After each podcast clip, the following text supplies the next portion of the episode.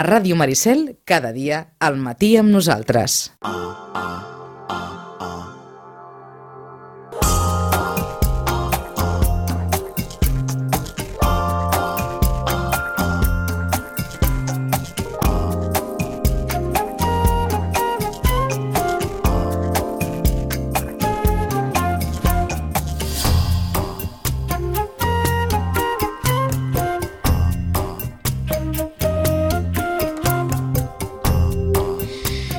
Onze i 20 minuts, Rosana, bon dia, bona hora.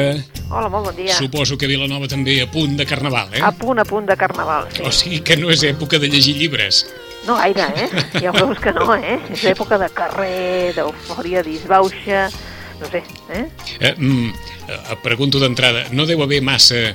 Vaja, no sé si hi ha... Eh, en aquesta època específica del Carnaval eh, en una llibreria es prepara d'alguna determinada manera, si hi ha algunes, eh, no sé, si hi ha algunes lectures, bibliografia que pugui interessar a algú sobre aquesta qüestió, veritablement és, és una cosa molt escadossera la, la que es pot trobar sobre el Carnaval. Exacte, sí, sobretot per adults, per, la, per, la, pel que és eh, la canalla sí que n'hi ha. Uh -huh. sí, la veritat és que sí, que hi ha moltes, eh, molts llibres que els, que els introdueixen en el Carnaval, des, de, des que el Carnaval també es celebra a les escoles, també és una manera de que ells entenguin què passarà després, no? Uh -huh. Des dels més petitons ja hi ha fins i tot els llibres d'aquells de, de, de cartró, diguéssim, que ja diu uh, el carnaval, perquè és clar, és que ells han d'entendre, no?, carnestoltes, eh, els intenten, hi ha una col·lecció a la galera, així amb lletra lligada, amb uns dibuixos preciosos que els expliquen una mica tot el que és la festa uh -huh. del mhm. Carnestoltes, no? Tot el que va lligat, eh? De Quaresma se'n parla també o no? De Quaresma després hi ha l'altre llibre, sí,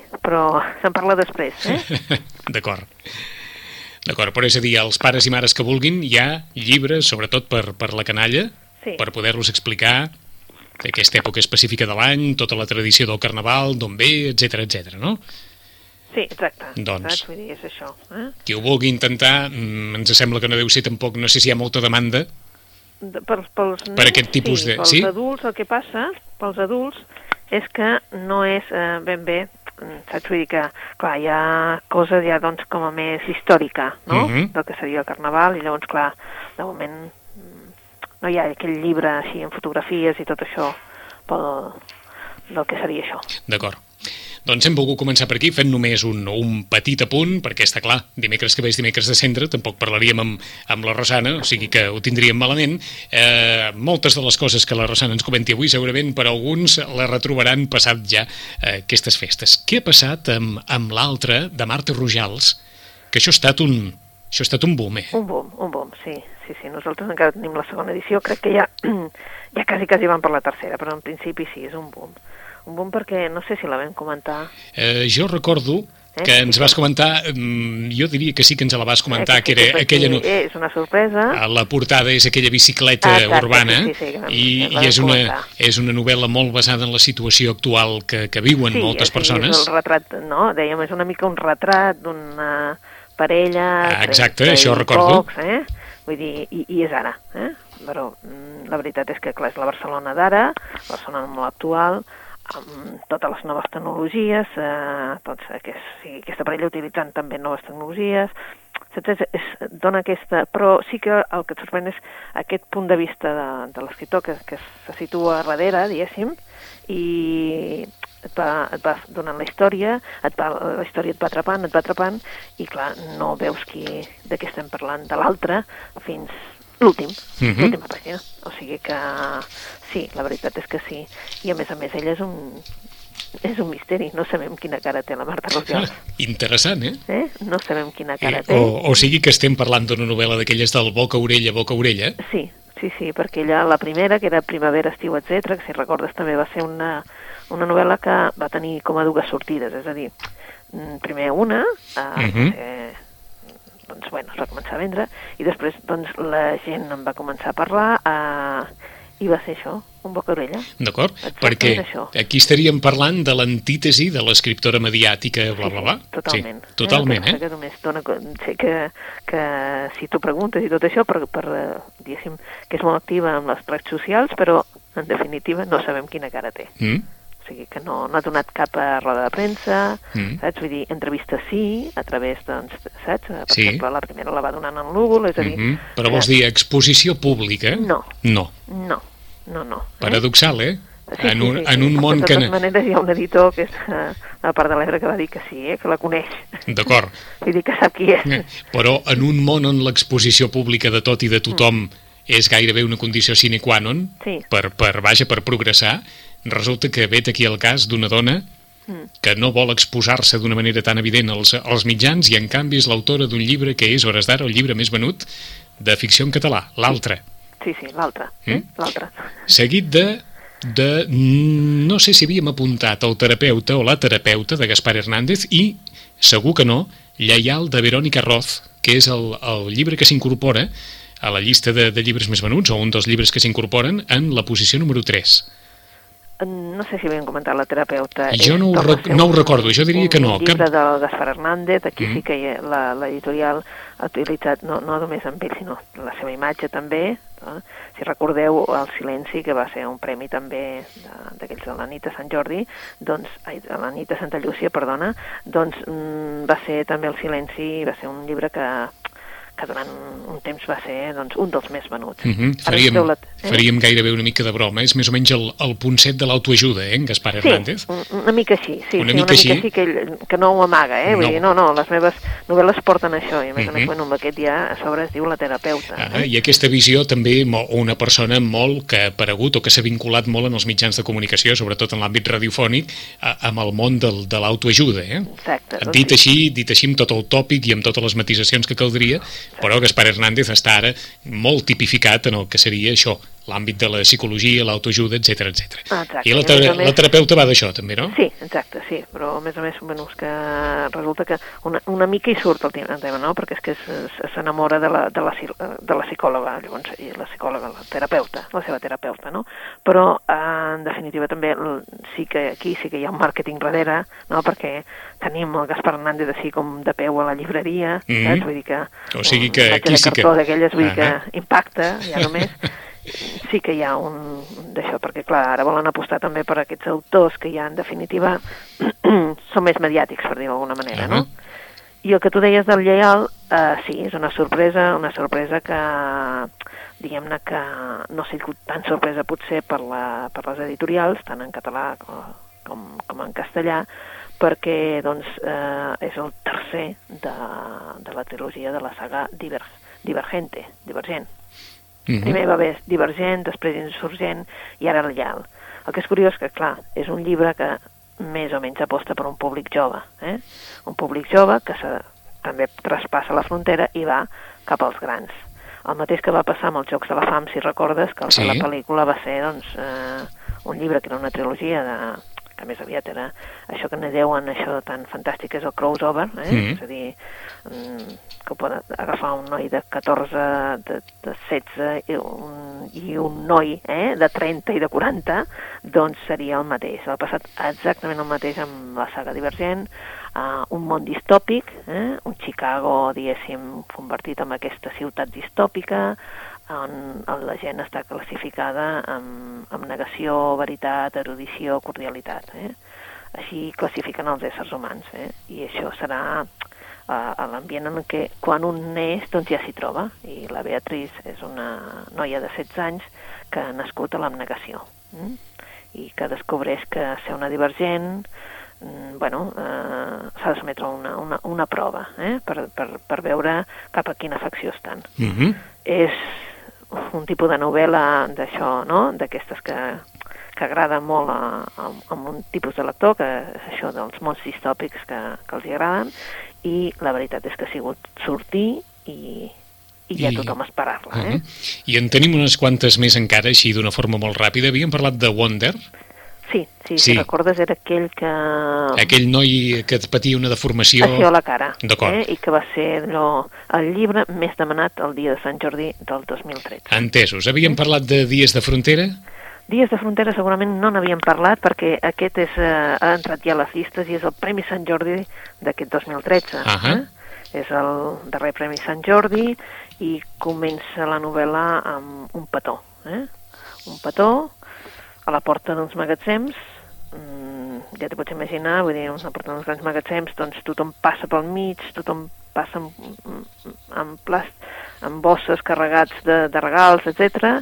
I bé, i el que passa és que nosaltres treballarem a saber qui són aquestes dues persones que s'estan, protagon els protagonistes d'aquesta novel·la, que són el Pau i la Teresa, trigarem una mica dins la novel·la a saber qui són ells. Eh? Uh -huh. És una novel·la que jo he començat a, a llegir només, i per tant només us puc dir que, saps allò, al principi. D'acord. Eh? I aquests dies de frontera, doncs suposo que serà un dels llibres que jo crec que serà l'aposta també d'aquest Sant Jordi.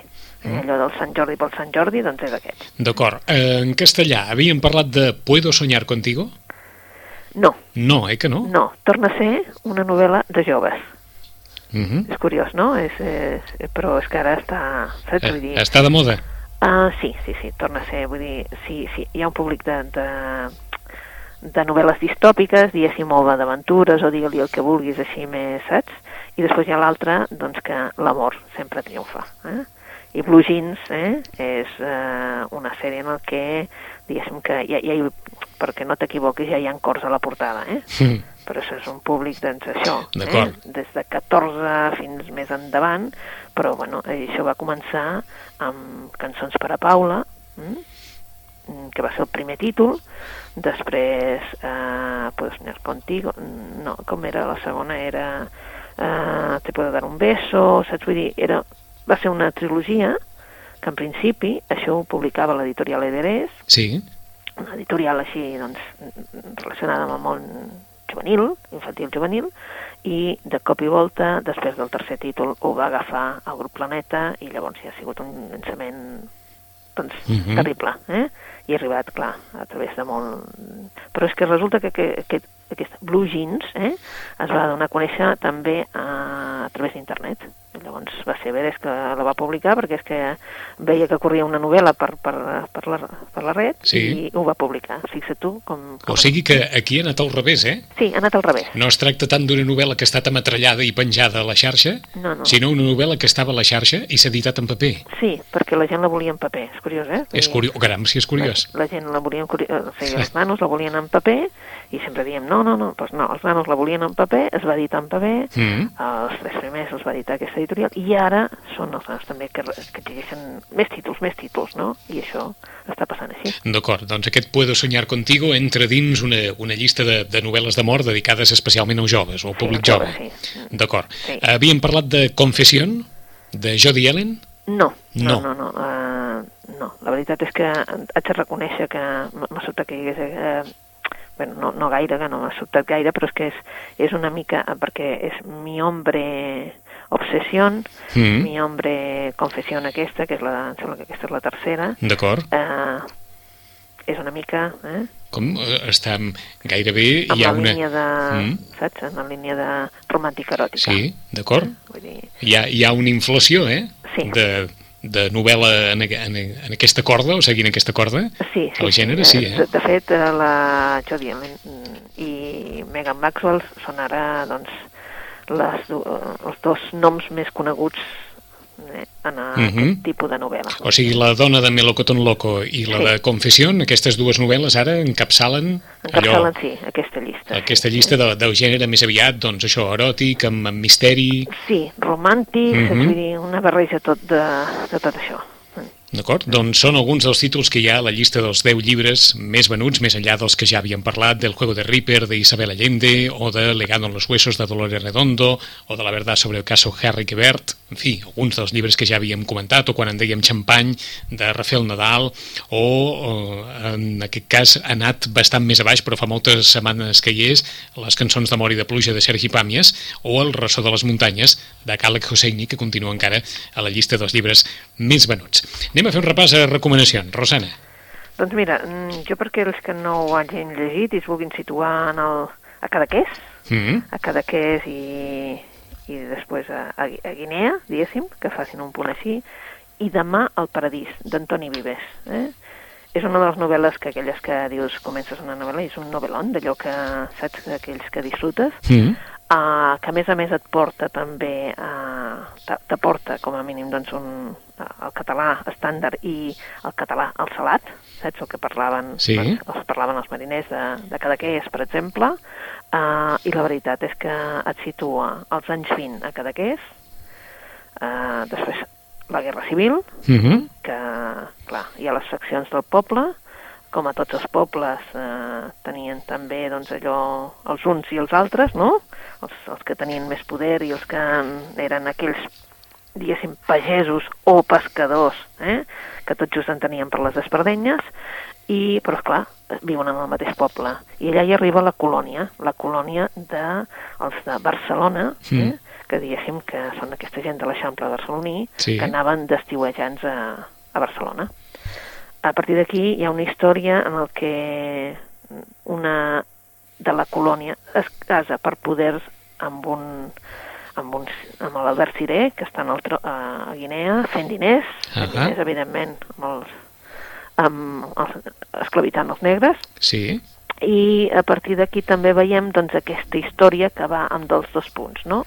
Dues persones que marxen a la guerra, o sigui, un pare i un fill, que han de marxar corrents del poble de Cadaqués, amagats, perquè els estan buscant, diguéssim, els altres per, per parlar-lo, per dir-ho d'alguna manera, i aconsegueixen arribar a Guinea i està, estan vivint a Guinea, eh? i són mestres d'aixa, és a dir, estan fent llaguts, eh? Ahà. i el Laberciré, que és el terratinent, el que, saps, el que explota a, a, tot, a tothom, però que necessita amb aquests per, perquè li fartin les barcasses per tirar amunt tot el, tot el comerç, no? I, en definitiva, és una història de passions, una història de sentiments, una història que va d'aquest Cadaqués, després ens situem als anys 60, amb tot el Cadaqués, del Dalí, de tots els personatges que hi rondaven en aquell moment, i amb la dona de l'Albert Ciré i la seva filla, que han retornat a Cadaqués perquè allà no hi volien viure, perquè hi ha una història així, diguéssim, de passions que allà no trobi. Un- És una història d'aquelles que... Una bona, barre, una bona barreja, eh? Una bona barreja, però una barreja, saps, terrible, que vas empassant a les pàgines dient amb un munt de personatges, saps? I bé, doncs eh, té, la, té la gràcia de ser també, saps, introduint-se, que a mi m'ha agradat. Mhm. Al principi haig de reconèixer que hi havia un munt de vocabulari no? sobre, sobre el fet de, de, fer, de fer barques, no? D'acord, de... que, que va costar una mica. Exacte, i llavors doncs no, vull dir que tampoc no, Mhm. no pots, saps allò, vull dir, dius, carai, no? Sí. An Antoni, Antoni Vives, que és de Cadaqués? N- No, és No, de Barcelona. és de Barcelona? És de Barcelona, uh, per una mera curiositat té, té un càrrec també a l'Ajuntament. Sí. Eh? I el que passa que ja va escriure El somni de Farrington Road. D'acord, ja, és que anava a preguntar si ja és un autor més o menys sí, sí, és un autor, consolidat. és un autor en novel·les, Sí. sí. un autor d'assaig, i a més a més, doncs, ell el que sí, evidentment, és que doncs, hi, ha, hi ha estat a temporades a Cadaqués, eh? Perquè si no seria impossible. Eh, Eh? Dir, Difícil és un dels que- construir aquesta història, no? Si no hi ha sí, una perquè certa... és que la, la, la, les dades que dona, saps allò, et sembla molt viscut tot plegat, no? Mhm. I el que passa que ell jove per haver viscut tot això, però sí que, que com si diguéssim, més històries explicades del poble que cap amb ell. D'acord. I demà al Paradís, I al d'Antoni eh? Vives, com, com ens deia la Rosana, un novel·lon. Un novel·la, Mm. sí, saps? És una novel·la d'aquelles que dius, carai, eh, t'atrapa, des de Ah. la primera pàgina t'atrapa. Eh? Doncs és la nostra primera recomanació d'avui. Segona. Segona, bé, doncs ha sortit eh, el net del pirata. El Manuel Collàs ens fa doncs, una, un, una espècie de, diem-ne, eh, per dir-ho d'alguna manera, memòries que no són memòries, Mhm. eh, però és un llibre en el que ells ens parla doncs, d'això, d'aquestes memòries seves que, que evoca la història de la seva família i el descobriment d'un món que, que bé, que, que diguéssim que canvia realment amb la nevada del 62. Eh? Entesos. en, bueno, ens remunten a un llegendari avi pirata que quan ho llegeixes resulta que no, no, no era ben bé l'avi, eh? Vull dir, no era ben bé l'avi, resulta que saps? Vull dir que aquest pirata sí que tenia res, algo a veure amb la seva família, però en realitat avi seu no, eh? Vull dir que és aquest avi pirata, avi entre Mhm. cometes, que Una, va... una ficció, vaja. Exacte, una... diguem-ne que no és avi seu. És a dir, era família, Uh -huh. però és com si fos un avi, però que no era avi. Et, bé. et anava a preguntar després- per- perquè tothom se situï. Eh, En Manuel Cuyàs és en Manuel Cuyàs que apareix en en moltes tertúlies de mitjans sí, de comunicació? Sí, sí, sí, és el mateix. Manuel Cuyàs, amb una poderosa, eh? Eh? Veu, Amb una veu montserratina, gairebé, Sí, diríem, eh? però que comença a, a explicar-te coses i t'estaries allà escoltant perquè Ah, exacte. sempre té moltes coses a explicar-te, Ahà. doncs el net de pirata és el mateix però posat en un llibre. D'acord, doncs eh, aquest eh, periodista que, Sí. que apareix molt sovint en les, a les tertúlies televisives i radiofòniques és l'autor de El net del pirata. Sí. Mm? Per situar-nos, més o Per menys. situar-nos, sí, sí, sí, és un, és un llibre així, saps, doncs, de memòries, de la família, etc. però, esclar, eh, evidentment, se n'hem d'anar cap a Mataró, perquè Mataró és el, és el, el, La- el seu lloc, Ahà. i llavors, clar, surt molta, molta cosa de, de, de la seva vida, diguéssim, però novel·lada. Eh? D'acord, què està passant amb els periodistes Sí, que des de Lluís Foix exacte. eh, fins a Nadal, eh, ara eh, Manel Cuyàs, Sí. mm, vaja, sembla Això que... potser més amb el, amb el Lluís Foix, eh? Sí? Sí, amb, amb aquest eh, to així de- d'explicar coses. Eh? Mhm. I la veritat, sí. I de, mm, també, si recordes el, el tramvia groc, del, eh? també seria això. Eh? bueno, una mica que ens expliquen les memòries dels, aquests temps viscuts per ells, no? I que, en definitiva, com que tampoc no fa tant, també són records de tots plegats. Mm eh? -hmm. Doncs aquestes pàgines viscudes de, de Manel Cuyàs, el net del pirata, la segona recomanació de la Rosana. Avui anem per una tercera. Doncs anem per una tercera. La tercera seria eh, la de... que ha aparegut la nova novel·la de l'Ami Tan, eh? feia anys que ara que no publicava res, i d'aquí a pocs dies, o sigui, cap allà el 14 o així, ve a Barcelona a parlar amb els periodistes, l'Ami Tan, eh? eh, si en recordeu, eh, és la, l'autor, aquella autora mig xinesa, mig americana, eh? Mhm. que va publicar el Club de la Bona Estrella, mm, i eh, potser aquesta és la que més ressò li ha donat, i ara ens fa una, una novel·la que és aquelles de quasi 700 pàgines, eh? ara darrerament la gent està escrivint novel·les molt, molt llargues, eh? i es diu el, la vall, El Valle de l'Assombro, la Vall de la ara diria malament el títol perquè Mm. l'he agafat en, en castellà perquè ha sortit primer en castellà però bueno, l'Amitant ens parla de tres generacions de dones tres generacions de dones que lluiten contra un destí, això és el que ens diu el d'això de la novel·la, però en definitiva ens anem a Xangai. Allà Mhm. una dona americana, diguem-ne, una dona americana que ha anat a parar al Xangai uh, del 1900 i poc, doncs han, han, han muntat una casa de, de, de dones, eh? de dones d'aquestes de cortesanes. Eh? Mhm. I llavors, a partir d'aquí, ella té una filla, una filla petitona, que es diu Violeta, que ella mateixa es canviarà el nom de poc, al cap de poc perquè resulta que en, en xinès, diguéssim, que tal com ho pronuncien vol dir fuig, fuig, en comptes de dir Violeta, Mhm. i llavors ella doncs, està molt molesta i resultarà que és una nena difícil pel que fa, perquè resulta que ella no ho sabia, que parlava mig, mig anglès, mig eh, xinès, és a dir, que quan arriba a l'escola evidentment ningú no l'entén, i esdevé una nena difícil, se'n va cap a... la seva mare decideix que se l'emporta cap a, cap a la casa de cortesanes, no diguéssim, i és, eh, ella viurà entre dos mons, entre dos mons perquè la, la Lulu, que és la seva mare, Lulu, Mimi Lulu, que ella s'ha posat aquest nom eh, allà, doncs eh, viuen en aquests dos mons perquè ella evita parlar-li del, del passat, per tant, ella no sap ni qui és el seu pare, eh? i la Violeta, evidentment, no acaba de trobar el seu lloc i està convençuda que la seva mare, en definitiva, la té allà perquè, perquè l'ha de tenir, però Mhm. no, no se sent realment una nena estimada. Eh? Eh, és un, una novel·la d'aquella que passa de generació en generació per, per, per explicar-nos d'on te venen, etc etc. Ens en anem cap a San Francisco i realment el que ens trobem és que al final la Violeta també serà una cortesana, no? Um, És a dir, acabarà exercint la mateixa professió que, que avorreix, per dir-ho d'alguna manera. Són, gent de, de diners, representa que Mhm. estan en un estadi alt, eh? i llavors doncs, tot és com a bastant, amb molta finesa i amb molt el que vulguis per estar fent això. Eh? D'acord, acabarà fent de madame, vaja. De Madame, sí. Eh? Bé, en definitiva, és la història, a través de- d'aquests personatges, la història també d'una cultura, d'una manera de fer, d'una sensibilitat, que arrenca, doncs, això, el 1912 cap aquí. Mhm. Versió catalana, La Vall de la Meravella. Això, és que jo deia de nou. No eh? passa res. La Vall de la Meravella, en versió castellana. I això que la vaig començar a llegir en català, eh? Vull dir que la tinc en català, Eh.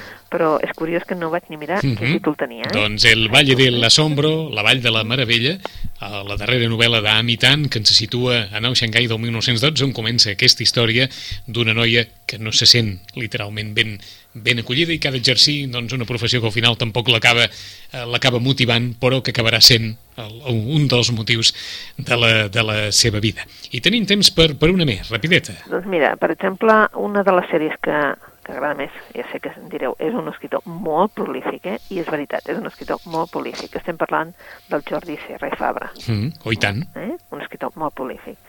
Una part és la part juvenil, una altra part és la part d'aquesta que escrivim i tal, i una altra és les novel·les dedicades a un inspector, el Miquel Mascarell. De totes totes, vull dir, deixant a part la juvenil, la Mhm. que agrada més a tots els lectors és aquesta, els casos de l'inspector Miquel Mascarell. El primer va començar en 4 dies de gener, 7 dies de, de juliol, 5 dies d'octubre, 2 dies de maig, i ara ha aparegut aquesta nova que es diu 6 dies de desembre, un nou Mhm. cas.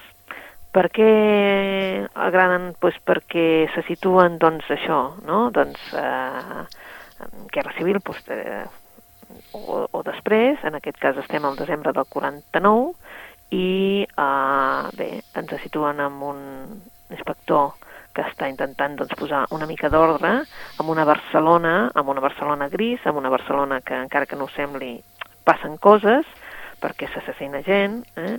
i en definitiva ara ens parla també eh, d'un d'un assassinat d'un anglès eh, eh, que n'han robat la cartera i llavors a través de la cartera trobem un assassinat a aquest, a aquesta persona que aquest es- home per- formava part del Monesmen, eh, aquella, aquella organització que després de la guerra es dedicava a buscar i recuperar les obres d'art Ah retallades pels nazis. precisament aquella organització que ha estat protagonista de la darrera pel·lícula de George Clooney.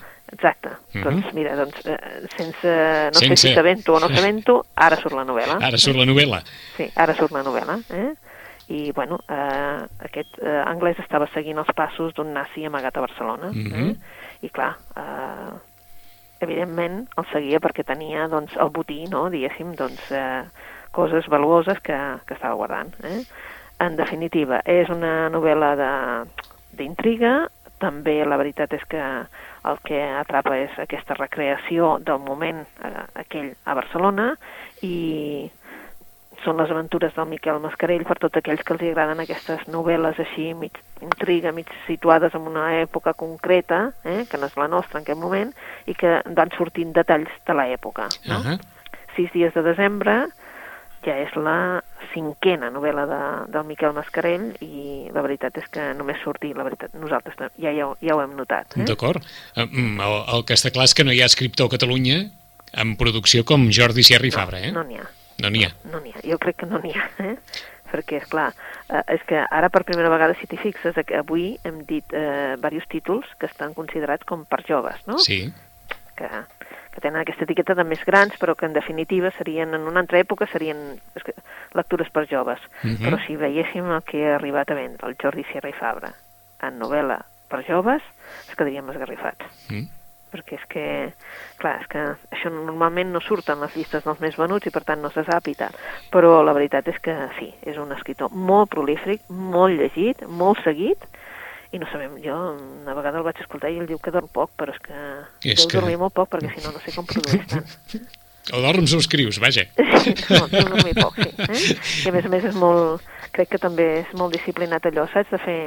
Home, s'ha de ser, eh? Suposo, per fer aquesta producció no, s'ha de ser, escolta, eh? Això seria horrorós. Eh? Doncs fem el repàs a les recomanacions que, que ens porta la, la Rosana de Cadaqués a Guinea, anada i tornada amb històries personals i històries que tenen molt a veure també amb la realitat quotidiana de la gent de Cadaqués i demà al paradís d'Antoni Vives, la Rosana ens el, ens el presenta com literalment un novel·lon.